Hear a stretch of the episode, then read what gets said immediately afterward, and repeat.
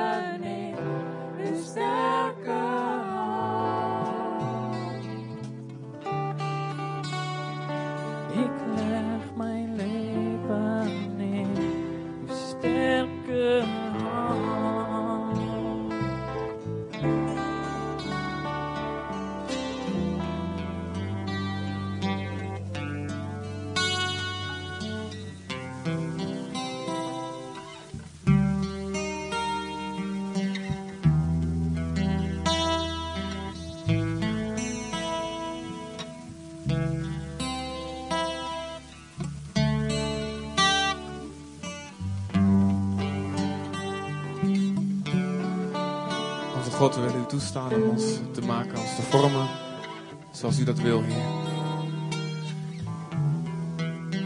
Heer, we, we zeggen hier zijn we en, en we zijn gemaakt door u. We zijn niet ons eigen idee. We zijn uw idee. En we zijn gemaakt om u eer te brengen. En als u ons een beetje moet hermaken, ons een beetje moet bijschaven, dan heeft u daar al het recht toe. Hier zijn we om te veranderen. We hebben een honger om te veranderen. Heer, als het pijn doet, dan geloven we dat u ons helpt, dat u ons bijstaat. En dat uiteindelijk het goede, de goede uitwerking zal hebben, dat we gaan lijken op Jezus. Vader, we bidden, we bidden zo hier samen ook voor mensen die het moeilijk hebben op dit moment en die echt door u gekneed worden, Heer. Ik bid dat u hen helpt, dat u hen sterkt, dat u hen vertrouwen op u sterk laat zijn. Heer, dat als de dingen moeilijk zijn, dat ze weten. Dat als we van u blijven houden, als we u lief hebben, dat u alle dingen ten goede zal keren, Vader. En dat u een groter doel heeft, iets wat wij nu, nu nog niet kunnen zien. Dank u wel dat u goed bent. We vertrouwen ons leven toe in uw sterke hand, onze God. Amen.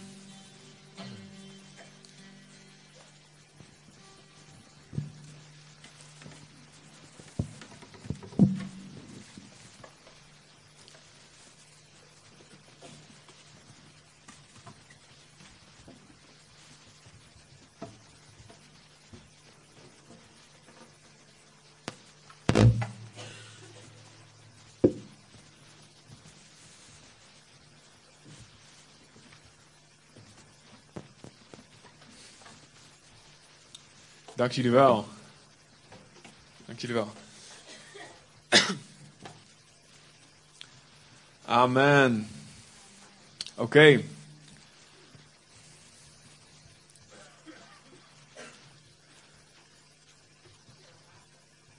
Oh, ik heb wel. Oh. Ja, ik, ja, ik zie daar wel wat staan. Maar als iemand wat wil inschenken voor mij, dan zal dat fijn zijn. Oké. Seks. Joepie. Ga. Dankjewel. Vond je al die andere onderwerpen niet leuk, Robert Hans?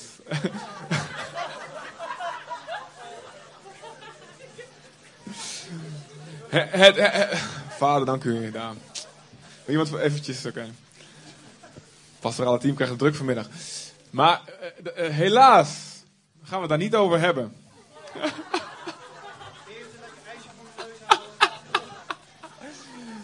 Dat krijg je als je, als je mannen zonder hun vrouw naar de kerk stuurt. Dan krijg je daar... ontsporen ze gewoon. Dank u, vader. Uh, ja, het ging net over. u vormt ons uh, als een potters, bakker. Oké, okay. we gaan het er niet vandaag over hebben. Maar wat ik eigenlijk wil zeggen is. We gaan het er wel over hebben. Maar wat ik wil. En um, ik uh, zal, de, we zullen even daarvoor zorgen dat we misschien volgende week zondag daar een soort schoenendoos voor hebben. Ja, nu ga je denken, wat gaat hij nou zeggen allemaal? ik wil het gaan hebben over seks. En misschien wel meer dan één keer. Even kijken hoeveel nodig is.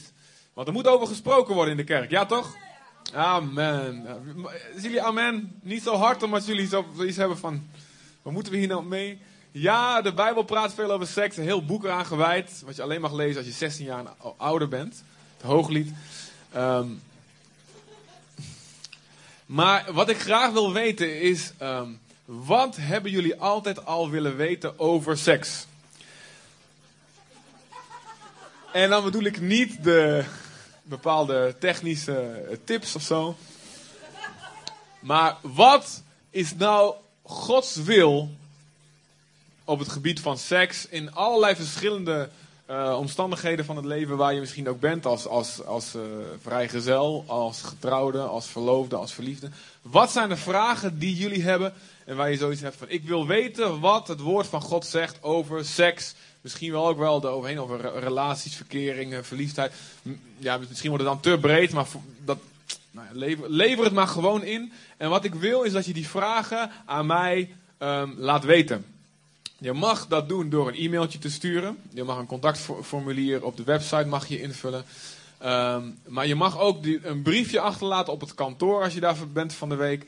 Je mag ook, want ik denk dat we het volgende week nog niet gaan doen. Je mag ook het volgende week, eh, eh, misschien wil iemand even regelen dat hier een soort schoenendoos is of zo. Met een groot gat erin of zo'n gleuf erin.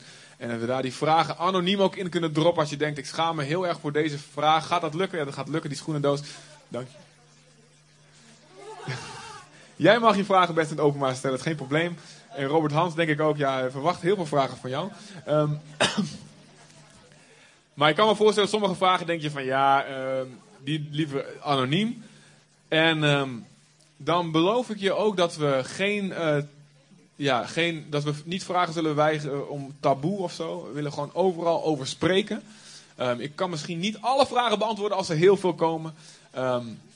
Dus, uh, maar ik zal denk ik diegene dan selecteren waarvan ik denk, dit leeft volgens mij bij heel veel mensen. En als ik, de, als ik heel veel respons krijg van jullie, heel veel vragen of heel veel dingen, dan misschien heb ik zoiets van, nou, die kunnen we niet in één zondag mee uit. Die gaan we wat langer aan besteden. Maar er moet over gepraat worden, want anders, als het woord van God in de Bijbel staat als openbaring ontbreekt, verwildert het volk. Dus als we niet, in de kerk niet vertellen hoe God het bedoeld heeft, God de bedenker van seks, amen van elk detail daarvan. Van elk detail daarvan. Als wij dat niet vertellen, ja, dan rommelt iedereen maar wat aan.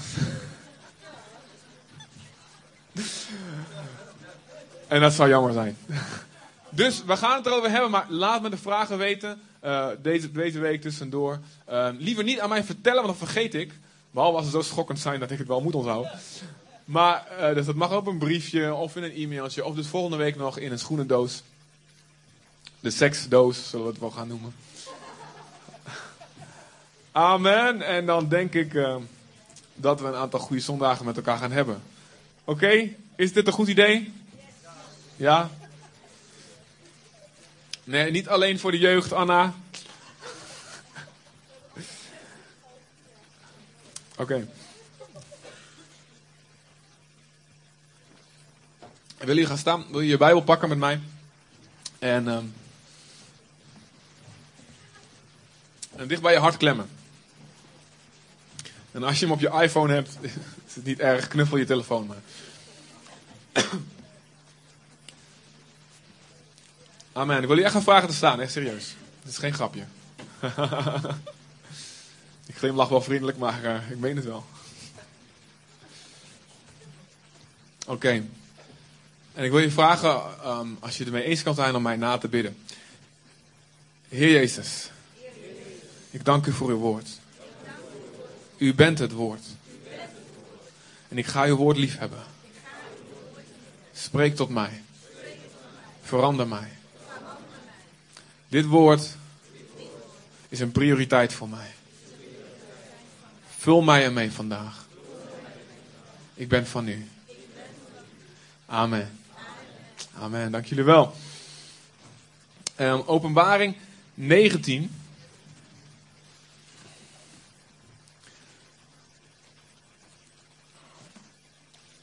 Openbaring 19.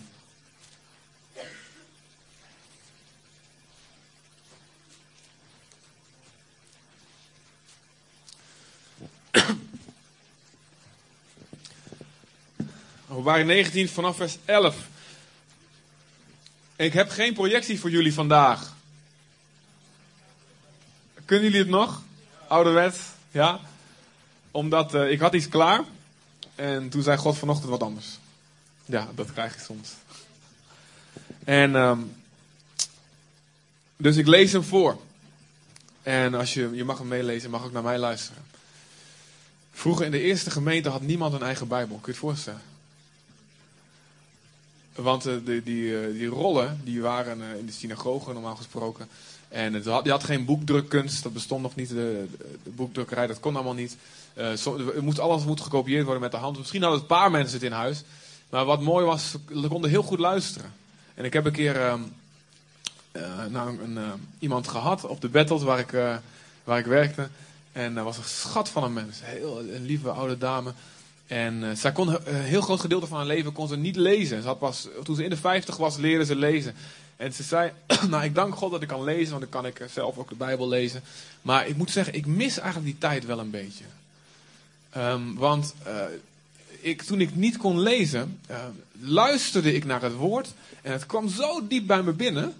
ehm, als het ware, haar oren waren getraind om heel goed te luisteren. En dat, was, dat waren de Joden ook en, en de eerste christenen waren ook zo. Ehm, het kwam binnen. En daarom staat er ook in de Bijbel: het geloof komt door het horen. Hè, het horen van het woord. Want toen lazen mensen zelf eh, heel weinig. En er werden ook gewoon hele brieven, hele stukken, hele boeken werden voorgelezen achter elkaar. En eh, dat gaan we waarschijnlijk ook nog wel doen in de gemeente. Een soort Bijbelmarathon. Maar goed, je mag dus naar mij luisteren alleen. Maar als je oren nog niet zo getraind zijn om dat goed in je op te nemen, mag je ook meelezen in je eigen vertaling. Als je daar heel snel mee bent. Openbaring 19, vers 11. En ik zag de hemel geopend. En zie een wit paard. En hij die daarop zat, werd trouw en waarachtig genoemd. Dit gaat over Jezus. Johannes ziet een visioen. En hij ziet hier Jezus. En hij oordeelt. En hij voert oorlog in gerechtigheid. En zijn ogen waren als een vuurvlam. En op zijn hoofd waren vele diademen. Hij had een naam die opgeschreven was. En die niemand kent dan hijzelf. En hij was bekleed met een in bloed gedoopt bovenkleed. En zijn naam luidt het woord van God. En de legers in de hemel volgden hem op witte paarden, gekleed in fijn linnen, wit en smetteloos. En uit zijn mond kwam een scherp zwaard, opdat hij daarmee de volken zou slaan. En hij zal een hoede met een ijzeren staf. En hij treedt de wijnpersbak van de wijn van de grimmige toorn van de Almachtige God. Er stond op zijn bovenkleed en op zijn dij deze naam geschreven: Koning van de koningen en Heer van de heren. Dit is de leeuw van Juda. En het gaat hier over de terugkomst van Jezus. Hij kwam in zijn eerste komst als een babytje, als een lammetje, als een onschuldig kind, waar we het afgelopen tijd bij stilgestaan hebben. En werd als een lam geleid naar de slagbank staat. Hij werd gekruisigd. Hij deed zijn mond niet open. Hij had op elk moment legioenen engelen naar beneden kunnen roepen. Om gered te worden. Die macht had hij. Maar hij wist, het plan van mijn vader is dat ik sterf voor de zonde van de hele mensheid. En zo de weg open. Zodat zij zonder schuld en met een schoon geweten voor God kunnen komen. En alle beloftes die voor mij eigenlijk gelden, omdat ik de perfecte knecht van God ben, ook van toepassing zullen zijn op hen die in mij geloven. En hij kwam om de tijd van genade aan te kondigen. Maar er zit een einde aan die tijd van genade. En, die, en dat wordt hier beschreven. En dan komt Jezus, dezelfde Jezus, op een andere manier terug. Er staat hier dat er een zwaard uit zijn mond komt. En er staat hier dat hij oorlog voert en dat hij zal oordelen. En in de Bijbel staat ook het hele, het hele oordeel, de rechtsuitspraken, zijn aan Jezus, aan de Zoon, overgegeven. En we leven nu in de tijd dat de tijd van de genade. De tijd waarin Gods uitnodiging open staat. Kom. De geest zegt kom. De bruid, de kerk zegt tegen de hele wereld kom. Kom bij Jezus. En iedereen mag gratis komen en zijn zonde laten wegwassen. In de rivier van, van Gods geest. En het bloed van Jezus mag over ons komen als het ware. Als een bedekking voor al onze schuld. En het is ontzagwekkend om dit te lezen. Hoe hij terugkomt. Hij is trouw, hij is waarachtig. Zijn ogen zijn als een vuurvlam.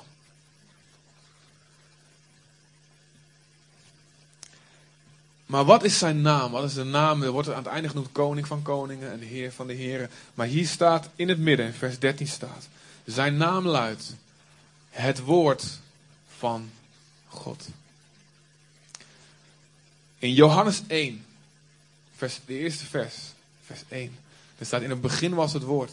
En het woord was bij God en het woord was God. En dan, dan iets verderop wordt het duidelijk dat Johannes spreekt over Jezus als het woord van God, zoals hier ook genoemd wordt. Het is weer Johannes die dit schrijft, die dit ziet. En ook in de eerste brief van Johannes, hij had het goed begrepen. Ook de eerste brief van Johannes. Dus anders dan het evangelie heb je, heb je ook drie brieven van Johannes achter in de Bijbel staan. Ook weer in de eerste vers zegt hij weer. Hij ziet weer over Jezus als het woord. Het woord. Jezus is het woord van God.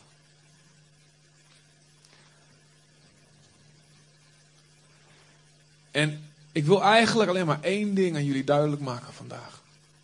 Ik ben niet bang, ik ga nog wel wat meer tijd nemen daarvoor. Maar dit is waar het om gaat.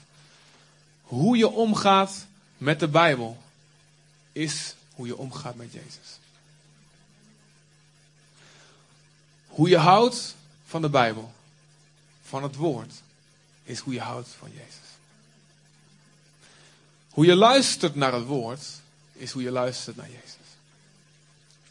Hoe je ontzag en respect hebt voor het woord, is hoe je ontzag en respect hebt voor Jezus.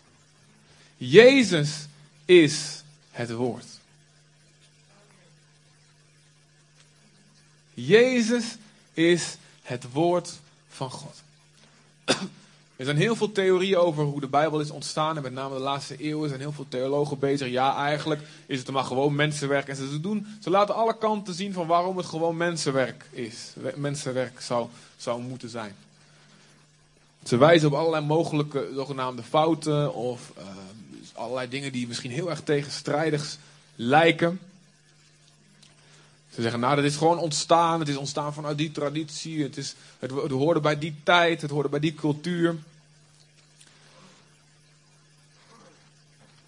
Maar in het, het woord zelf zegt over het woord dat het zeven keer gelouterd is. Naar het Bijbelse getal voor perfectie, voor goddelijkheid. Het is als het ware zo, zoveel keer door het vuur gegaan voordat het hier tot ons komt. En God heeft daarvoor gezorgd dat het, zo, dat het ontzettend zuiver tot ons gekomen is. Luister, ik heb het niet over de vertaling, daar kunnen fouten in zitten, daarom is het goed hè, om eens te kijken wat, hoe staat, staat er in een andere vertaling. Maar het woord van God, zoals dat, zoals dat ehm, geschreven is, zoals dat geopenbaard is, dat is de perfecte uitdrukking van het hart van God. Het woord, woorden, wat is een woord? Wat is een woord nou eigenlijk? De mensen, de mens is, we hebben al die mooie dieren gezien. En afgezien van een hele slimme papegaai, is de mens de enige die kan praten. Toch? Ik heb een heel eng YouTube filmpje hebben we laatst trouwens gezien van een hond die, in die, die- allemaal dingen zei, maar goed. Ze kunnen misschien geluiden nabootsen, een papegaai ook. Jullie kennen die mop wel, hè, van die drie broers die cadeautjes aan hun moeder stuurden. Of niet? Wie kent hem niet?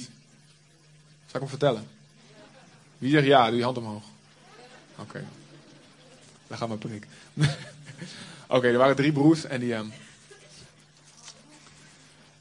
die er waren drie broers en ehm, die waren, eh, ze waren als eh, Mexicaan. Ze, ze, ze, ze wa- ze waren Mexicanen en eh, ze gingen allemaal hun geluk, beproeven in de Verenigde Staten. En ehm, alle, drie, alle drie werden ze miljonairs. Dat heb je, de American Dream. Alle drie miljonairs. En, en eh, toen op een gegeven moment werd een, eh, lieve moeder, die werd 80 jaar. Een hele memorabele leeftijd. En ze hadden allemaal zoiets al van, van tevoren, waren ze al in voorbereiding als ze 80 wordt. Weet je, ze hadden toch een beetje die competitie onder elkaar. We gaan het beste cadeau aan onze moeder sturen. En ze hadden een beetje de competitie van wie van de drie broers het beste cadeau aan hun moeder kon gaan sturen. Dus die eerste die had er goed nagedacht en zei, weet je wat, ik geef, ik geef haar, ik laat een hele villa voor haar bouwen daar in Mexico. Hè. Ze zijn in armoede opgegroeid en ik laat een gigantisch huis voor haar bouwen. En eh, daarmee laten zien eigenlijk van, ik ben de zoon, ik heb geld verdiend en ik, ik zorg goed voor haar. En de tweede die, die, die kocht een spiksplinter nieuwe sportwagen voor, voor, voor zijn oude lieve moeder.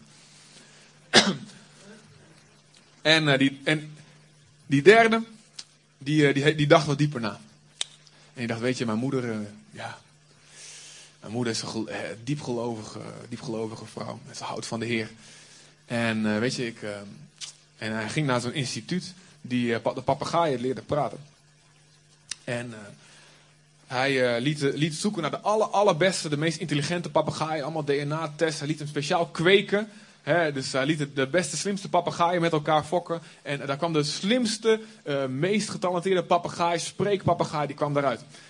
en, ehm, nou ja, de, de papegaai was eindelijk geboren. En vanaf zijn geboorte werd die papegaai getraind door drie fulltime papegaaientrainers.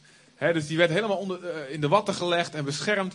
En, en, drie trainers kregen de opdracht dag en nacht om volgens de nieuwste technieken die papegaai te leren, de, de Bijbel uit zijn hoofd te leren vertellen. En zodat uiteindelijk je maar eh, het, het, het- gewoon het boek, hoofdstuk en vers hoeft te noemen. En die papegaai zei, daar staat dit en daar staat dat. Want zijn moeder die kon dan niet zo goed meer lezen. Hij dacht, weet je wel, dat is het beste cadeau wat ik aan haar kan geven. Na al die jaren, drie jaren voorbereiding, stuur- stuurt hij uiteindelijk zijn, zijn papegaai op naar zijn moeder.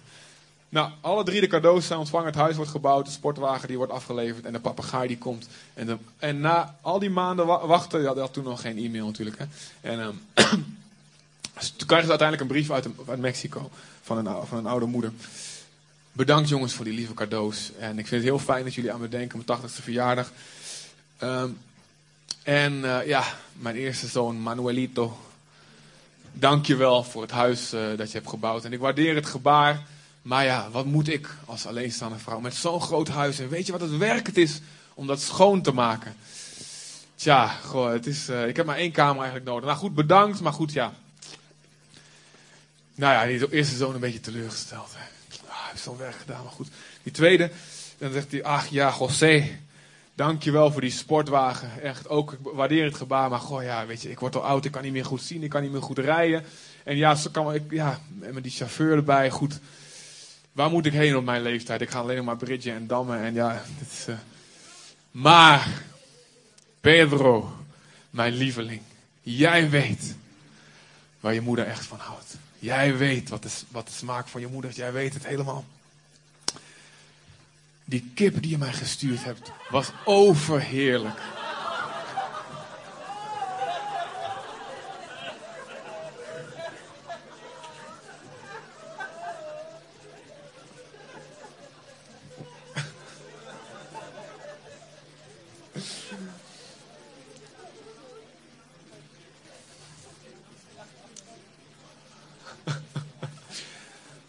Dus afgezien van die papegaai is de mens de enige die kan spreken. Amen. Die een woord, die iets kan zien. Die zegt, ik, geef, ik, maak daar een woord voor. En heel veel discussies en, en, en misverstanden gaan ook over. Die ene zegt een woord en die ander bedoelt iets anders met een woord. Ken je dat? Eh, denk maar aan het woord eh, gezag. Oeh, de ene denkt dit erbij. Ik had een heel gevoel, een kramp in de buik. En de ander denkt, oh leuk, weet je wel. Eh, noem maar wat. En, maar wij zijn de enigen die iets kunnen zien. En onze hersenen kunnen dat interpreteren. Kunnen dat, oké, en die, we, maken daar een woord voor. We spreken het uit, een woord. En we communiceren met woorden. De meeste van ons, behalve een aantal mannen als een... eh, daar heb ik het niet over. Hè? Wij kunnen woorden geven aan dingen. God heeft ons dat gegeven. En daarin lijken wij op God. Want God heeft de wereld gemaakt door het woord. Hij sprak en het was er. En zijn woorden scheppen dingen die er niet zijn. En zijn woorden die in ons worden gesproken, scheppen ook in ons dingen die er niet zijn. En we eigenlijk gaan erover nadenken, het wordt een deel van ons. En het woord, dat vormt iets en dat maakt iets realiteit in ons. En de Heilige Geest die wordt geblazen in dat woord. En dan wordt iets nieuws gemaakt. Ja toch? En God heeft de dwaasheid van de prediking. Want eigenlijk het is niet heel, niet heel erg bijzonder wat hier gebeurt. Maar God heeft de dwaasheid van de prediking uitgekozen, staat in 1 Corinthians. De dwaasheid van de prediking uitgekozen om mensen te redden. En zelfs op zo'n manier dat, dat het niet eens via de mooiste toespraken hoeft. Paulus, Paulus was een hele slimme man, maar hij zei: Toen ik tot jullie kwam, kwam ik niet met allerlei meeslepende woorden van wijsheid en van filosofie. Maar gewoon met de dwaasheid van de prediking. En God heeft daar zijn kracht in gelegd. En daarom is het zo dat de meest ongeletterde, onopgeleide, eh, eenvoudige mensen de krachtigste woorden kunnen spreken. Amen. En God kan zelfs door een ezel heen preken. Dus er is hoop voor jou en voor mij. Het woord. God heeft het woord uitgekozen. om doorheen te werken. En Jezus is het woord. En er staat in Jesaja 66, vers 5.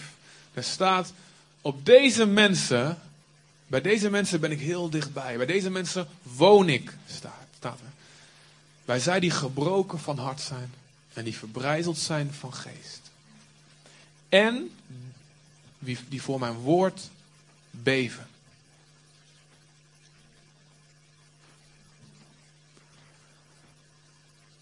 Die God zo geloven. Dat ze zeggen, wat God spreekt, dat stel ik boven al het andere. Boven mijn eigen gedachten, boven mijn eigen gevoelens.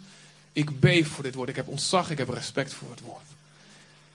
Er zijn veel mensen die zeggen, ik hou van God. Er zijn veel mensen die zeggen, ik hou van Jezus. Maar wie beeft voor het woord van God, is degene die werkelijk houdt van Jezus. Want Jezus is het woord. Dus iemand die zegt, ik hou van Jezus, maar, maar geen interesse heeft te weten wat God zegt over een bepaalde keuze die gemaakt moet worden. Die geen interesse heeft in de woorden van God. Daarvan kun je eigenlijk zeker weten dat die persoon niet werkelijk houdt van Jezus.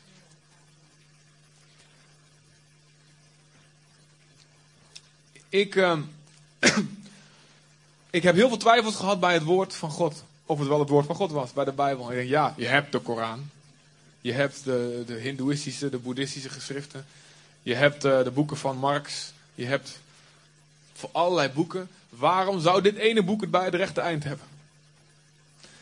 En um,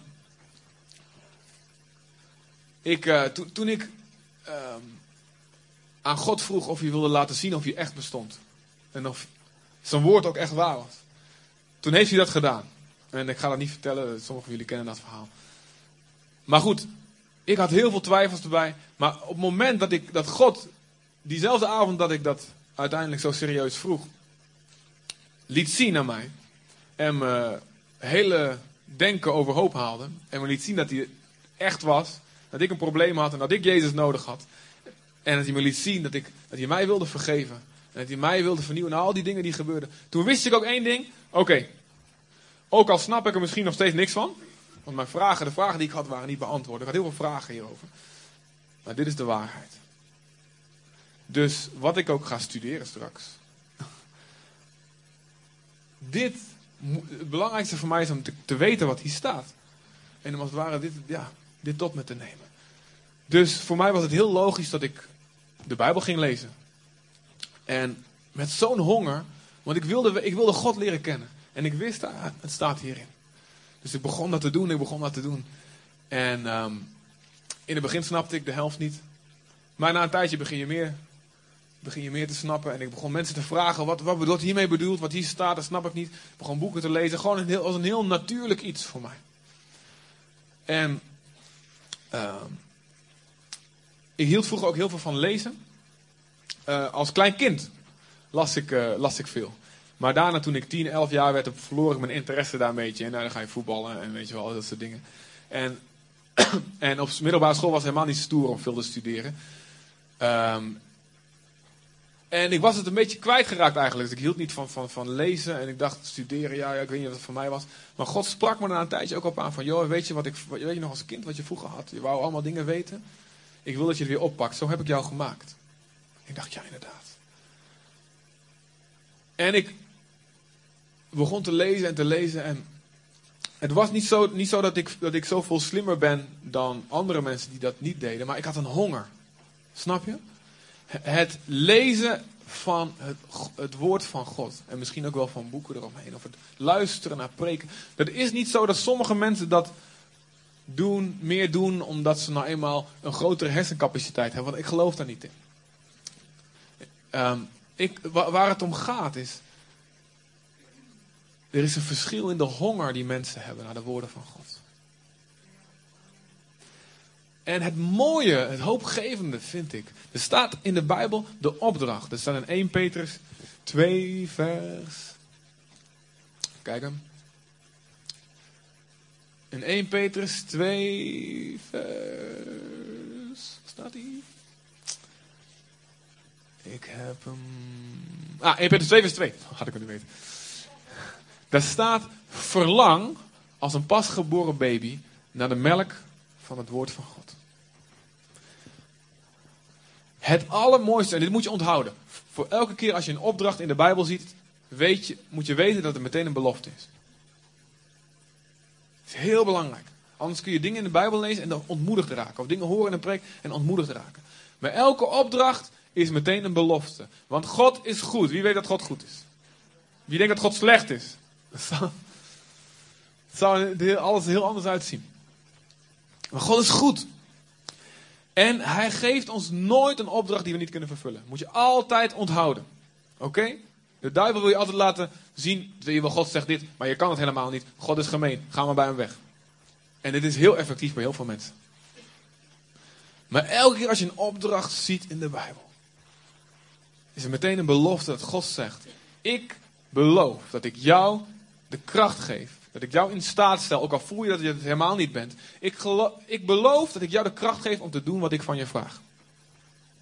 Ja? Hij vraagt ons nooit iets waarmee hij ons niet er ook bij helpt. En als er staat verlang als een pasgeboren baby naar het woord van God. Dat betekent dus dat wij ervoor kunnen kiezen. En dat God ons dus bovennatuurlijk in staat kan stellen om dat te doen. Ja, toch? Niemand kan tot, God, tot Jezus komen behalve dat het als het door God gegeven is, staat er ook. Het verlangen naar God moet van, moet van God zelf komen. Dus als jij zegt, ja, ik merk eigenlijk, ik heb niet zo'n passie, zo'n honger naar God. En daarmee ook niet, niet zo naar zijn woord. Het mooie is, dan kun je God erom vragen en dan geeft hij het je. Heel, heel eenvoudig. Alleen je moet het gewoon geloven. Oké, okay, het is goed, ik vraag het. Dus als er staat, verlang naar het woord van God. En je denkt, ik heb dat niet, raak dan niet ontmoedigd, maar zeg God, ik wil dat hebben. Vraag, Heer, geef het mij. Ik kies ervoor te verlangen en Heer, help mij om wat te doen. Laat uw Heilige Geest in me komen. En laat, laat, ja, laat hem me boven mezelf uit laten stijgen. Um, en één ding ook wat God om me sprak. Uh, en dat, is, dat, dat staat in Spreuken 6, vers 4.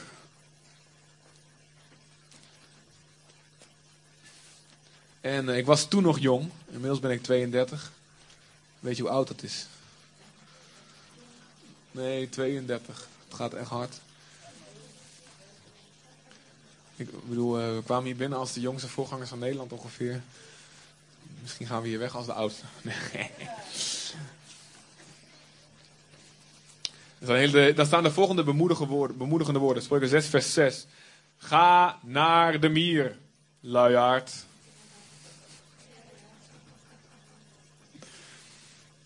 Ik ben zo blij trouwens dat die mieren de ark van Noach overleefd hebben. Er waren er maar twee van. En weet je wie ook in die ark zaten? Miereneters. En ook nog olifanten. Dung, dung, ah. Misschien hadden ze een heel apart. Wie de miereneters? Wat zouden de miereneters gegeten hebben? Die hebben echt 40 dagen gevast, die gasten, jongen.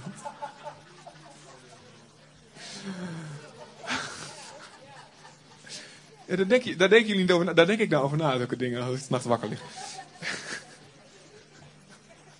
Ga naar de mier, luiaard. Zie zijn wegen en word wijs. Hoewel hij geen aanvoerder heeft, geen leidinggevende of heerser, maakt hij zijn eten gereed in de zomer. Verzamelt hij zijn voedsel in de oogsttijd. En God sprak dit tot mij toen ik nog jong was. Vorige week. Hallo. en God zei tegen mij. Ik las dat en dacht, ik dacht erover na. En, ik, en God zei tegen mij. Het is nu de zomer. Het was toevallig ook zomer toen hij zei. Maar goed, het is nu de zomer van je leven. In de zin van. Je hebt heel veel tijd. Verzamel je brood. Wat is ons brood? Wie is het levende brood? Jezus. En Jezus is het? Het woord. En we mensen zal niet leven van brood alleen maar van? Ieder woord dat uit de mond van God komt. Dus God zegt, het is jouw zomer. Verzamel nu je brood. Nu je het nog niet nodig hebt. Straks wordt het druk. God was heel profetisch. God is meestal profetisch trouwens. God was, het wordt drukker. Je krijgt baan, je krijgt gezin, je krijgt allerlei dingen. Verzamel je brood. Elk moment dat het kan. Nou, dat betekent niet alleen dat je jong bent. Ik wil hoop geven aan jullie oud ouderen zoals ik. elke, elke gelegenheid die je hebt, elke zomertje wat even tussendoor in je leven komt, gebruik het om je te vullen met, om, om brood te verzamelen. Als je wacht tot het winter wordt, zoals de krekel in, in dat fabeltje, weet je wel. Jullie kennen dat wel, hè? Dat komt van uit de Bijbel. Dan heb je te weinig en dan moet je bij anderen lenen. Denk aan die, aan die vijf dwaze meisjes. Die hadden geen olie voor zichzelf. En toen, kwam, toen was het de tijd. Toen kwam Jezus terug. En toen moesten ze gaan lenen. En dat kon niet. Toen moesten ze gaan halen. Waren ze te laat. Wacht niet tot er een crisis in je leven komt. Voordat je de Bijbel gaat lezen. En voordat je Gods woorden gaat zoeken. Maar doe het in de zomer. Als je denkt, ik heb het nu nog helemaal niet nodig. Bereid je voor.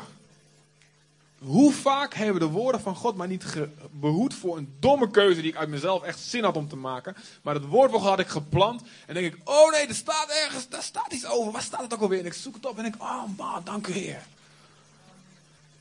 En ik ben een van de meest dwaze mensen op de wereld. Maar er staat in de Bijbel van, Gods woord geeft de onverstandige inzicht. Dus je kunt de domste persoon zijn, de domste keuzes gemaakt hebben, maar het woord van God geeft jou hoop. Hey, je kunt inzicht krijgen.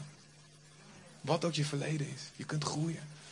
Dus maak van dat woord een prioriteit in je leven. God zegt dat. Hij wil dat. Weet je, er zijn heel veel mensen die aannames maken van wat God zou willen, zonder dat het gebaseerd is op Gods woord zelf. En de Bijbel zelf laat zien hoe gevaarlijk dat is. Er is een man in Richteren 17. En die heet Micha. Richteren 17. Of rechters, als je een nieuwe Bijbelvertaling hebt. Rechters, of Richteren 17. En dat Richteren is ehm, het zevende boek van de Bijbel, het Oude Testament. Richter. En dan moet je weten dat niet alles wat in de Richteren wordt beschreven Gods wil is. Ook niet alles wat in Prediker of in Job gezegd wordt bijvoorbeeld is Gods wil. Is dat zo? Ja, je moet het, het geheel ervan eigenlijk lezen om het te snappen. Bijvoorbeeld in Job zeggen zijn vrienden zeggen heel veel dingen. En aan, hele hoofdstukken staan er dingen geschreven. En aan het einde wordt gezegd... eh, ja, context, maar je dacht, eh, dat is een beetje een moeilijk woord. Ik leg het gewoon even uit. Ehm, aan het einde wordt dan gezegd eh, dat Job vergeving dat Job moet bidden voor die vrienden, want ze hebben niet goed over God gesproken. En de prediker bijvoorbeeld, daar wordt gesproken over eh, eigenlijk het perspectief van iemand, van een mens, als er geen opstanding uit de dood zou zijn. Als er geen eeuwigheid, als het alleen om dit leven zou gaan. Dus je hebt er wel veel aan, maar je moet als het ware zien ook hoe het en waarom het gezegd is. Nou, in de richter ook worden hele verhalen beschreven. Ze staan dan over, over allerlei oorlogen. En eigenlijk sommige dingen staan zonder commentaar erbij. Dat betekent niet dat je dat moet gaan kopiëren. Maar er staat aan heel- het hele boek heen. In die tijd was er geen koning in Israël. En iedereen deed wat goed is in zijn eigen ogen. Nou, wat ik in het begin zei als grapje, dat, dat herhaal ik nu serieus. Als er geen openbaring is van wat God wil, dan gaat het volk alle kanten op, zegt de Bijbel. En dan verwilderen ze. Heel veel mensen denken, God zal dit wel willen, maar maken daar op grond daarvan keuzes. Maar als, als ze daarna de mist in gaan, worden ze boos op God. Terwijl God zegt, ik heb mijn woord gegeven. Dit is een perfecte uitdrukking van wie ik ben. Het is volmaakt. Het is geschreven door tientallen verschillende auteurs in, in, over een tijdspanne van, van, van een paar honderd, een paar duizend jaar. Maar het is mijn volmaakte woord. En ik wil jou er doorheen leiden. En niet als een dood woord, maar mijn geest blaast leven in die bladzijde of in die preken die je luistert. En maakt het levend voor je en geef je een toepassing voor nu en voor vandaag. En wil die door je hart laten snijden. nou, hier zie je ook weer een voorbeeld van in de Richteren 17. Hè, in, vanaf vers 1. Er was een man uit het bergland van Ephraim die Micha heette. Deze zei tegen zijn moeder, de, nou ja, ik, ik ga het eigenlijk, eigenlijk wil ik het hele verhaal niet lezen. Maar waar het op neergaat is, ehm, hij maakt een afgodsbeeld. En eh, waarschijnlijk omdat hij het woord van God gewoon ja, niet kent of niet te harte genomen heeft. Van, eh, geen, maak geen afgoden. Maar hij denkt voor zichzelf waarschijnlijk, er staat niet helemaal bij, dat het een beeld is van De God van Israël. En dan staat er in vers eh 6, staat er nog een keer herhaald. Hè? Nee, vers 5 zal ik even lezen. En de man Micha had een godshuis. Hij had een soort tempeltje bij zijn huis. Ook maakte hij een efot, dat is een bepaald kleed. En afgodsbeeldjes. En hij wijde een van zijn zonen om voor hem tot priester te zijn. Nou, en dat mocht helemaal niet. Als hij het woord van God had gekend, had hij geweten. Alleen mensen uit een bepaalde stam van Israël, Levi, mogen priesters worden. En er staat er ook bij in vers 6: In die dagen was er geen koning in Israël. En ieder deed wat juist was in zijn ogen. Nu was er een jonge man uit Bethlehem in Juda, uit het geslacht van Juda. Hij was een leviet en hij verbleef daar als vreemdeling. En toen ging deze man uit de stad, uit Bethlehem en Juda, weg om daar te verblijven, waar hij onderdak zou vinden. En toen hij tijdens zijn tocht in het bergland van Ephraim kwam, kwam hij bij het huis van Micha. En dan eh, zegt hij in vers 10, ik sla even eentje over. Daarop zei Micha tot hem, blijf bij mij en wees voor mij tot een vader en tot een priester. En ik zal u elk jaar tien zilverstukken geven. Stel kleren en wat nodig is voor je levensonderhoud. En de leviet ging met hem mee. De leviet stemde erin toe bij die man te blijven. En die jonge man was als een van zijn zonen voor hem. En Micha weide de leviet en de jonge man. Micha weide de, le- de leviet en de jonge man werd voor hem tot priester. Zo was hij in het huis van Micha. En toen zei Micha, nu weet ik dat de Heer mij wel zal doen. Omdat ik deze leviet als priester heb. Ik weet dat God mij niet zal zegenen, want ik heb nu een leviet. Nog beter. En vervolgens komt daar een andere stam. Stam, de stam Dan, ook een, ook een Joodse stam. En die komt langs. En in het volgende hoofdstuk zie je dat hij zijn leviet, dat hij zijn leviet meenemen. Dus nemen de boel mee. En het hele plan van Micha valt in duigen. Ik vind het zo interessant dat hier staat in vers 13. Ik weet nu, God zal mij wel doen. Want ik heb een leviet als priester. En God doet hem uiteindelijk niet goed. Waarom? Omdat hij het woord van God niet kent. Maar hij gaat af op zijn eigen inzichten. Hij heeft ergens een keer wat gehoord. En denkt, oh, dit zal wel goed zijn. Nou gaat God mij zegenen. En uiteindelijk gebeurt het niet. En ik zie zoveel mensen ook vandaag de dag die een soort aanname maken. Nou, God zal dit wel willen of dit wel goed vinden. Maar niet zoeken in de woorden van God, wat God al gezegd heeft. Wat, of het echt zo is. En die mensen komen volgens bedrogen uit en raken teleurgesteld in God. Want ze denken dat hij hen iets beloofd heeft wat hij niet beloofd heeft. En luister, God is heel lief. En hij weet wat wij niet weten. En hij komt ons tegemoet. En hij vindt echt niet dat wij alles in één keer moeten weten. Je hoeft echt niet, als je, als je christen wordt, binnen een maand de Bijbel gelezen te hebben. Dat snapt God. God is zo lief. Hij is zo redelijk. Hij snapt dat. Dus je hoeft niet alles in één keer te weten en over elk onderwerp alles te weten. Hoeft niet. Maar wat hij wel eh, van ons verwacht, is dat we een houding hebben van zoeken en van vragen. En als het ware zeggen, nou, ook al weet ik nog helemaal niks, ik wil wel zoeken. En ik wil vragen aan mensen, laat me zien, waar kan ik in de Bijbel iets vinden over dit, deze keuze die ik nu moet maken. En dat we dat dan gaan lezen. En daar, dat, daarna gaan luisteren. En er zijn heel veel andere manieren waarop we onszelf voor de gek kunnen houden. David. Er wordt, staat een verhaal van David. Hij, hij wil- wilde de ark brengen naar de tempel. En hij deed dat op de manier zoals de Filistijnen het hadden gedaan. Op een wagen, op een karretje. Maar in het woord van God, in de wet stond. Er moet door de Le- levieten gedragen worden met bepaalde draagbomen ook. Maar hij was zo enthousiast en hij had een goed hart. Maar het ging mis, want die kar die raakte vast in de modder. Daar weten we alles van met die sneeuw tegenwoordig. En, die, en die ark valt en een van die mannen eromheen die, die vangt die ark op, die kist op. En die valt dood neer omdat hij dat ding zomaar aangeraakt heeft. En David schrikt daarvan. En dan gaan ze zoeken in het woord en ontdekken ze hoe God het bedoeld heeft. En dan lukt het plan van David. Dus een enthousiasme alleen van ik wil iets voor God doen, is ook niet alleen genoeg. Wat God zegt, ik- ik wil dat je ook zoekt naar de manier waarop ik het bedoeld heb. Ik wil jou overwinning geven, ik wil dat je goed gaat. Ik ga zo wat beloften opnoemen die God, die God uitspreekt. Wat, wat, wat de wil van God is voor iedereen. Maar er staat, dit is als je mijn woord leest en het overdenkt. Een ander voorbeeld in Jeremia 7, 7 er staat een verhaal dat de mensen in Jeruzalem, die ze stelen, ze bedriegen, ze plegen overspel, ze vermoorden kinderen, eh, ze doen van alles. Ze aanbidden afgoden en ze, ze, ze bestelen de armen.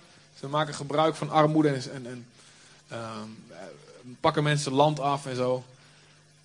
Maar dan staat er, wij zijn veilig, want we zijn in de tempel van God. En God heeft gezegd, de tempel, daar woon ik. Dus ik ben in de tempel en omdat ik daar ben, ehm, zal God mij zegenen. En Jeremia, en Jeremia zegt er van, nee, ik wil dat je doet wat ik zeg. Dat je rechtvaardig leeft. Dat je niet de wezen en de weduwe eh, verdrukt. Dat je geen overspel pleegt. Ik wil dat je naar mijn stem luistert. Anders zal ik met deze tempel doen. Hetzelfde doen wat ik met mijn vorige tempel gedaan heb in Silo. Er staat er letterlijk, weet je wat ik gedaan heb? Kijk en denk na wat ik gedaan heb met mijn vorige huis in Silo. Het is nu vernietigd. En het zal ook gebeuren met deze tempel. Als jullie je niet bekeren en luisteren naar mijn woord. En het is ook gebeurd uiteindelijk. Die tempel is verwoest door de Babyloniërs. Dus ook de gedachte van nou, ik ben in het huis van God. Hé, hey, het is goed om in het huis van God te zijn. Eén ding die het woord zegt, we moeten onze bijeenkomst niet verzuimen zoals sommigen gewoon zijn. Dat zegt het woord van God. Het zegt Jezus. En zoals we dat woord gehoorzamen, gehoorzamen we Jezus. Maar dat alleen, alleen van nou ik kom daar en weet je, dan zal, dat zal, dan zal mijn God me zegenen. Ook dat alleen, laat je daardoor niet misleiden van nou ja, ik, ik kom gewoon en verder rest leef ik mijn leven. En doe ik de dingen volgens mijn eigen plannen. Er kan een misleiding, een hele grote misleiding zijn in je leven. Ergens anders staat. Ja, ja, er staat in de Bijbel niet wie het woord hoort, maar wie het doet, zal gezegend zijn. Dus je kunt dit nu horen, maar vervolgens er niks mee doen. En elke week, elke boodschap die gebracht wordt. Maar God zegt, doe mijn woord. Ik wil zo graag dat je gezegend bent. In Klaagliederen 4 vers 20.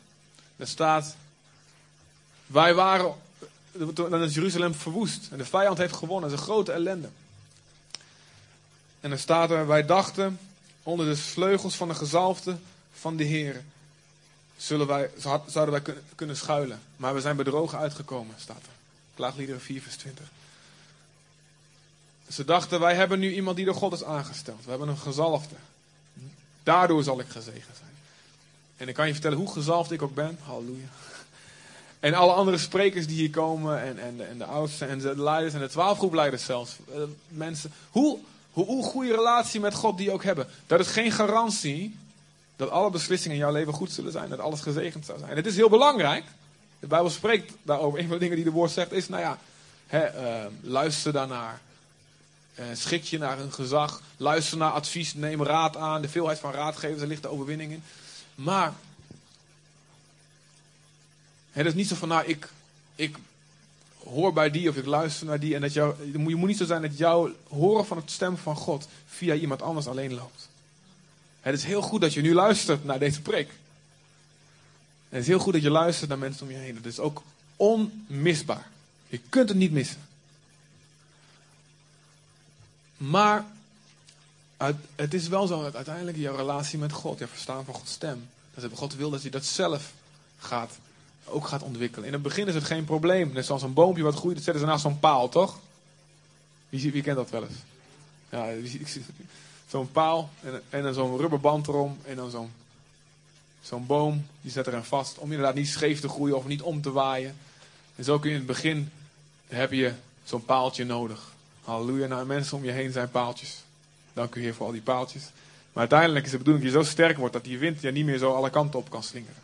Dat je zelf de stem van God gaat verstaan. Dat wil God voor je. Er staat één koning, ik schiet me nou te binnen, dus ik weet zijn naam even niet. Eén koning in, de geschiedenis van Israël. Staat hij luisterde naar God zolang die en die adviseur van hem in leven was. Maar toen hij doodging, ging hij zijn eigen weg. Zorg niet dat jouw goede wandel met God afhankelijk is, dat, dat het alleen maar zo is zolang je die en die goede adviseur naast je hebt. Want die persoon kan wegvallen. En die persoon kan zelf misschien een blunder maken en de verkeerde kant op gaan. Zorg dat je, dat je zelf een directe relatie hebt. Dat je het woord van God voor jezelf verstaat en hoort en begrijpt.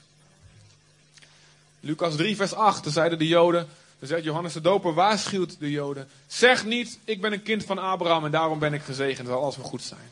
Nee, bekeer je van je zonde. Doe de rotzooi uit je leven weg. Want God kan zelfs uit deze stenen een kind van Abraham verwekken. Oftewel, afkomst ook is niet de garantie dat je gezegend bent. Het doen, het horen en het doen van het woord van God. Zeg niet, God zal me zegenen, want ik zie wonderen. Ik maak wonderen mee. hey, zelfs door mijn handen gebeuren wonderen.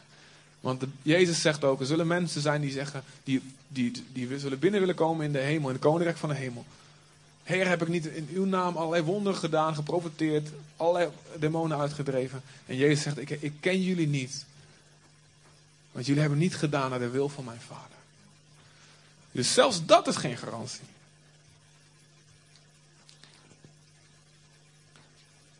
God wil dat we zijn woord een, een verhoogde plaats geven in ons leven. Zoals we Jezus een verhoogde plaats geven. Want Jezus is het woord. Een paar beloftes uit het woord. Jozua 1, er staat, wie, wie dit woord dag en nacht overdenkt, zal in, op al zijn wegen zijn doel bereiken en voorspoedig zijn. Nou, wie wil dat niet? Ja, wie, wie wie iedereen wil dat toch? In al je wegen je doel bereiken? Wauw. En voorspoedig zijn. Jozua 1, uit mijn hoofd in vers 8. of vers 9 of 1, 8, 8 of 9. 8, goed. In Psalm 1 er staat: Wie het woord van God overdenkt, alles wat hij onderneemt, zal lukken. Wauw. God wil dit voor iedereen. Luister, Gods wil voor jou is dat dit gebeurt. In 2 Timotheus 3, vers 17, er staat: Het woord van God maakt je volkomen. Het maakt je als het ware perfect. Niet in de menselijke zin van het woord dat je nooit een fout maakt, daar gaat het niet om. Maar wel in de ogen van God als perfect. En er staat dat je klaar bent voor elk goed werk wat God voor je gepland heeft om te doen. Het kan zo zijn dat als je, denk aan die mier, als je niet in die zomer voorbereidt en er komt de winter en je hebt niks. Het kan zo zijn dat je het woord van God niet die verhoogde plaats in je leven geeft. Niet die liefde, die passie voor de Bijbel, voor de, Gods, woord, Gods woorden hebt. Dan komt er een goed werk. En God wil dat je een bepaald goed werk zou gaan doen. Dat je bijvoorbeeld iemand vertelt over Jezus. Dat je een bepaalde, eh, iemand, ja, iemand zegent of iemand iets geeft. Of een verstandige beslissing maakt. Of mensen goed advies geeft.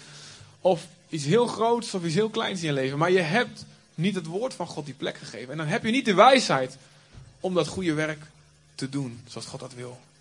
En je mist een kans. En die kans komt niet meer terug. En God wil dat je klaar bent voor elk goed werk. God wil dat graag. In Psalm 107, vers 20 staat: Het woord van God geneest ons. Wauw. Het maakt ons een heel persoon, zowel lichamelijk. Mensen genezen. En ik zou dat veel meer ook nog willen zien, ook bij ons. Mensen tijdens het, de prediking gewoon genezen worden. Wauw. Of tijdens de aanbidding, maakt me niks uit. Zonder dat mensen handen op hem leggen, maar ze horen het woord en ze nemen het tot zich. en Wauw, het, maakt, het geneest. Hij genas, hij zond zijn woord en genas hen, staat daar. En in Johannes 8 zegt Jezus, als je mijn woord, mijn woord zal je vrijmaken. Mijn woord zal je vrijmaken. God belooft overwinning. God belooft ons deze dingen. Als we zijn woord die plek geven. Dus laten we ons woorden, Gods woord boven onze eigen gedachten stellen. Boven ons eigen inzicht. Boven ons gevoel zelfs. Hey, we mogen best in discussie gaan met God. Ik snap het niet, Heer. Ik heb heel vaak, doe ik zoiets van, God, ik snap het niet. Maar ik doe het toch. Maar ik zou het wel fijn vinden als u me uitlegt waarom en hoe. Leg het me uit. En dan merk ik soms pas door het doen, snap je waarom. Snap je waarom. Hè? Maar soms moet je dingen doen voordat je het snapt. Hè, zoals ik vroeger mijn tanden poetste, omdat mijn moeder me anders eh, mijn eh, tandenborstel controleerde of hij wel nat was. Daarna word je slim en dan ga je hem onder de kraan houden, weet je wel. Ik had geen zin in tanden poetsen. Maar als je, zoals ik vorig jaar, een wortelkanaalbehandeling krijgt, dan weet je waarom je tanden moet poetsen. Oh ja. Had ik maar geluisterd. Maar wacht niet tot je bij de tandarts ligt voordat je het woord van God luistert. Voordat je het gehoorzaamt, snap je? En één belangrijke waarschuwing. Als pas het woord niet aan aan jouzelf. Maar laat het woord, laat, laat het woord niet zich aan hoeven te passen aan jou. Maar pas jezelf aan aan het woord van God. Er zijn sommige mensen die willen gewoon bepaalde dingen horen. En die gaan dan zoeken naar een tekst of naar een uitspraak. Om te bevestigen wat zij zelf eigenlijk graag willen. En er staat in de Bijbel een hele ernstige waarschuwing. Als we geen liefde voor de waarheid hebben, dan zullen we misleid worden. Wie geen liefde heeft voor de waarheid, als het je moet zeggen: God, ik, u mag tot me zeggen wat u wil, ook als ik het niet leuk vind, en ik zal het aanvaarden. Die mensen, als je zo'n hart houdt, mag je zeker weten dat God je zal leiden. Hij is goed en hij zal je, als je om een leiding vraagt, om een goede beslissing vraagt, niet een steen geven in plaats van een brood. Hij geeft je zijn advies. Ieder die om wijsheid tekort schiet mag aan God vragen en hij geeft eenvoudig en zonder verwijt. Zij zal hem gegeven worden. Klaar. God geeft je leiding als je hem zoekt, maar je moet je hart zuiver hebben. Je moet, je moet zeggen, God, ook als het niet leuk is, mag u het zeggen. En dat is een van de moeilijkste dingen die bestaat. We zoeken overal een tekst voor die ons goed uitkomt. En ik ontmoet overal mensen. Die hun eigen ding doen. En, elke ketter heeft zijn letter. Die uitspraak kennen we. Dat betekent dit. We kunnen allemaal één tekst pakken en zeggen, nou daarom doe ik wat ik wil. Maar in Psalm staat, heel uw woord is de waarheid. En we moeten God zoeken. En zijn hart zoeken. En niet per se onze wil zoeken en dat bevestigen met het woord van God. 2 Petrus 3 vers 16 staat, onkundige en onstandvastige mensen, die verdraaien de woorden van Paulus, zegt Petrus over Paulus. Tot hun eigen verderf. Zoals, zoals dat met de hele Bijbel doen. Dus verdraai niet de Bijbel om het te laten zeggen wat jij wil dat het zegt. Maar laten we, het woord, laten we beven voor het woord. Laat het woordje blijdschap zijn. Lees voor de gein Psalm 119 en ik weet dat je daar misschien een hele dag mee bezig bent, want het is een hele lange. Maar lees dat eens door voor jezelf thuis. En kijk eens die dingen die daar staan. Oh, ik verblijd me over uw woord alsof ik een grote schat vind. Ik doe mijn mond open en ik hijg, want ik verlang naar uw woord. Als wij zeggen, ik verlang naar Jezus, verlangen wij naar het woord. Hij is het woord. Hij laat zichzelf, hij ontmoet jou in het woord. Spreek onder elkaar. Het woord staat er. Laat het woord van Christus rijkelijk in je wonen. In Deuteronomie 6 vers 7 wordt aan de Joden gezegd, en we mogen dat best overnemen van ze. Laat spreek over dit woord als je opstaat en als je gaat slapen. Als je naar buiten gaat en als je naar binnen gaat. De hele dag met je kinderen. Prent het ze in. Schrijf het hier op je voorhoofd. En daarom zie je hebben ze van, van die riemen hè, met een stukje van de Torah erin.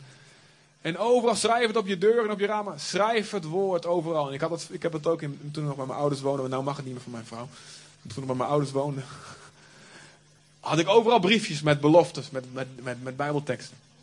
En af en toe verving ik ze. En daardoor gewoon werden ze deel van Ik zag ze elke keer weer. en ik had, ik had een, mijn boekje van bankafschriften. Had ik een, eerste bladzijde was, een, was een, grote tekst over de voorziening van God en over vrijgevigheid en zo. En zelfs op de wc had ik, wou ik dingen plakken, maar dat mocht ook niet van mijn ouders. Maar goed. Het woord van God overal en ermee confronteren. Vul jezelf met het woord van God. Als je houdt van Jezus, hou je van het woord. En hoe je houdt van, je, van het woord is hoe je houdt van Jezus. De passie die je hebt voor dat woord. En één laatste ding voor de mensen die zeggen: het is me veel te moeilijk. Mijn vrouw is Colombiaanse. Zoals jullie al gehoord hebben en gezien hebben. In het begin sprak zij geen woorden, nou ja, een paar woorden maar Nederlands. Sprak ze alleen Spaans. En ik kende geen Spaans. Nu wel, maar toen niet. Maar ik was stapelgek op haar. En we werden pas, eh, we werden pas echt serieus verliefd. Toen zij Nederlands ging spreken. Maar stel je voor, als een voorbeeld. Stel je voor dat we daarvoor al met elkaar begonnen te communiceren, maar ik kon geen Spaans. En stel je voor dat ik geen talenknobbel zal hebben. Dat heb ik wel. Maar stel je voor dat ik niet zal hebben. En zij stuurde mij een liefdesbrief, liefdesbrief in het Spaans. En ik was stapel verliefd op haar. Zou ik dan zeggen, als ik echt verliefd was... Ja, kom op, hè. je moet niet mijn Spaans dingen gaan sturen, dat snap ik niet hoor. Dat is veel te moeilijk voor mij en ik heb geen talenknobbel en ik kan niet zo goed onthouden. Dus eh, kom maar terug als je uh, wat Nederlands tegen mij schrijft. Zou ik dan, zou je dan, wat zou je dan zeggen? Zou ik echt verliefd op haar zijn? Luister, sommigen van jullie laten, hebben je te lang laten afschrikken doordat de Bijbel misschien te moeilijk is. Of de oude vertaling, te moeilijke woorden. Of, of gewoon, ook als het goed vertaald kan het nog heel ingewikkeld lijken.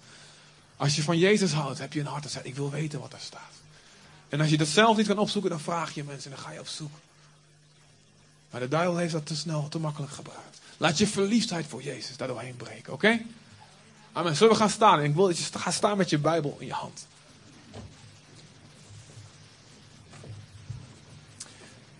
Het is zo makkelijk om op je gevoel af te gaan. Het is zo makkelijk om wel een aanname te maken van nou dit zal God wel willen. Maar God zegt ik heb hier mijn woord gegeven. En in Gerben wil je komen met, met de muziek.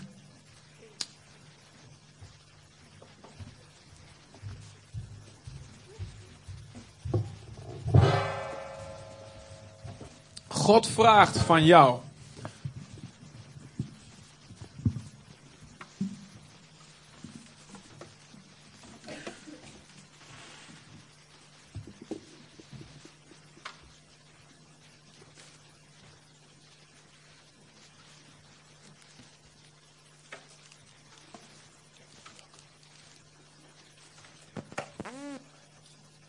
Oké, Robert Hand gaat even wat voor ons zingen.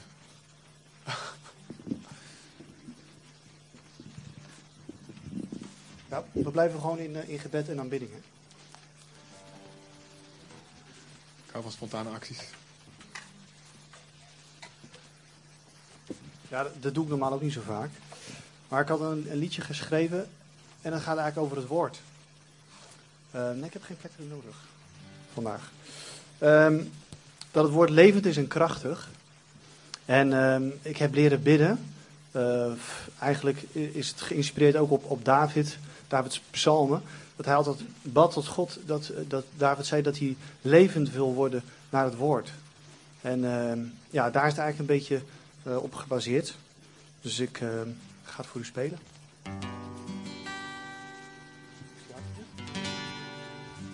Hoor je? Ja.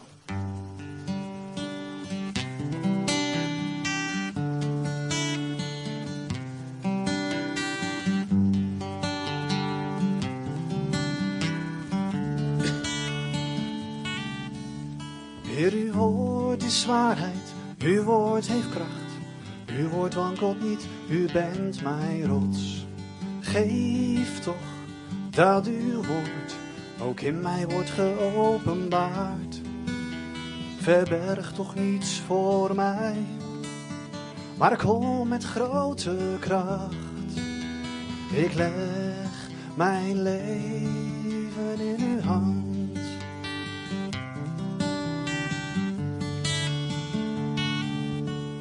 Heer, uw woord is waarheid, uw woord heeft kracht. Uw woord wankelt niet, u bent mijn rots. Geef toch dat uw woord ook in mij wordt geopenbaard. Verberg toch niets voor mij, maar kom met grote kracht. Ik leg mijn leven in uw handen, o Heer. Leg mijn leven in uw hand.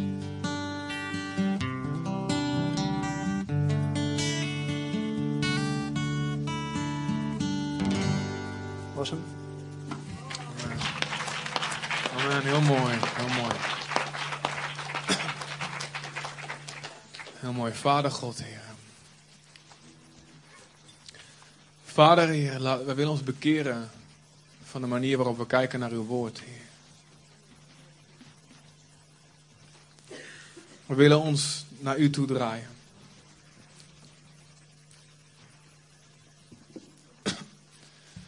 Heer, wat, wat ontzettend te gek dat u wil dat wij winnen.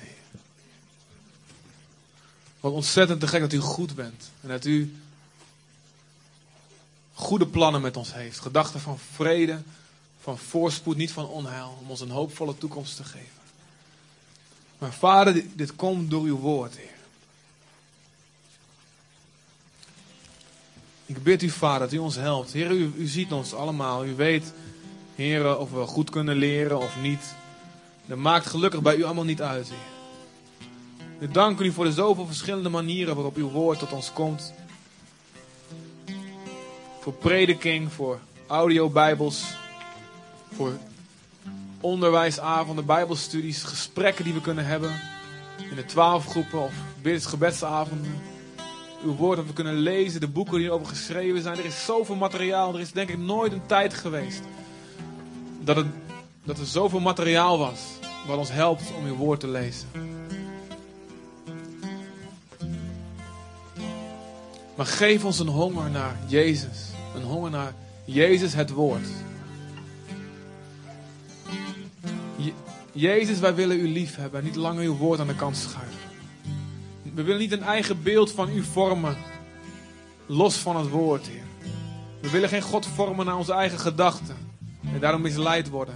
Een God die altijd precies zegt wat we willen horen, maar God, we willen uw woord. Jezus het woord, de centrale plaats geven. We danken u. We zien in openbaring 19, zien we God hier. Dat achter het woord aan komt de, de hele legermacht van de hemel. En zo ook achter uw woord. Als wij dat geloven, als we het uitspreken, proclameren en het doen. Dan komt de hele legermacht van de hemel achter dat woord aan om het realiteit te maken. Dank u wel, Vader. Help ons, Vader. Om uw woord een prioriteit te maken. Dat we meer uw woord zullen lezen dan tv kijken, dan Facebook, dan internet. Dan praten met anderen, dat we zullen praten met u, Vader.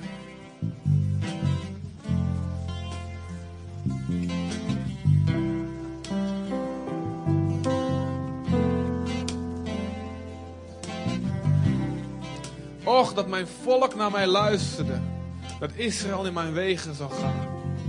In korte tijd zou ik dan hun vijanden onderwerpen.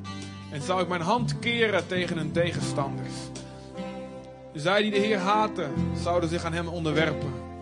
Hij zou hen van het beste tarwe te eten gegeven hebben. Ik zou hen verzadigd hebben met honing uit de rots. Gods roep is: Och, luisterde mijn volk maar naar mijn woord.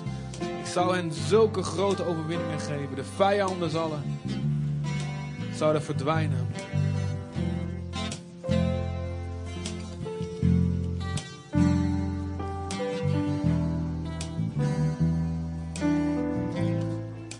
Och, had u maar acht geslagen op mijn geboden.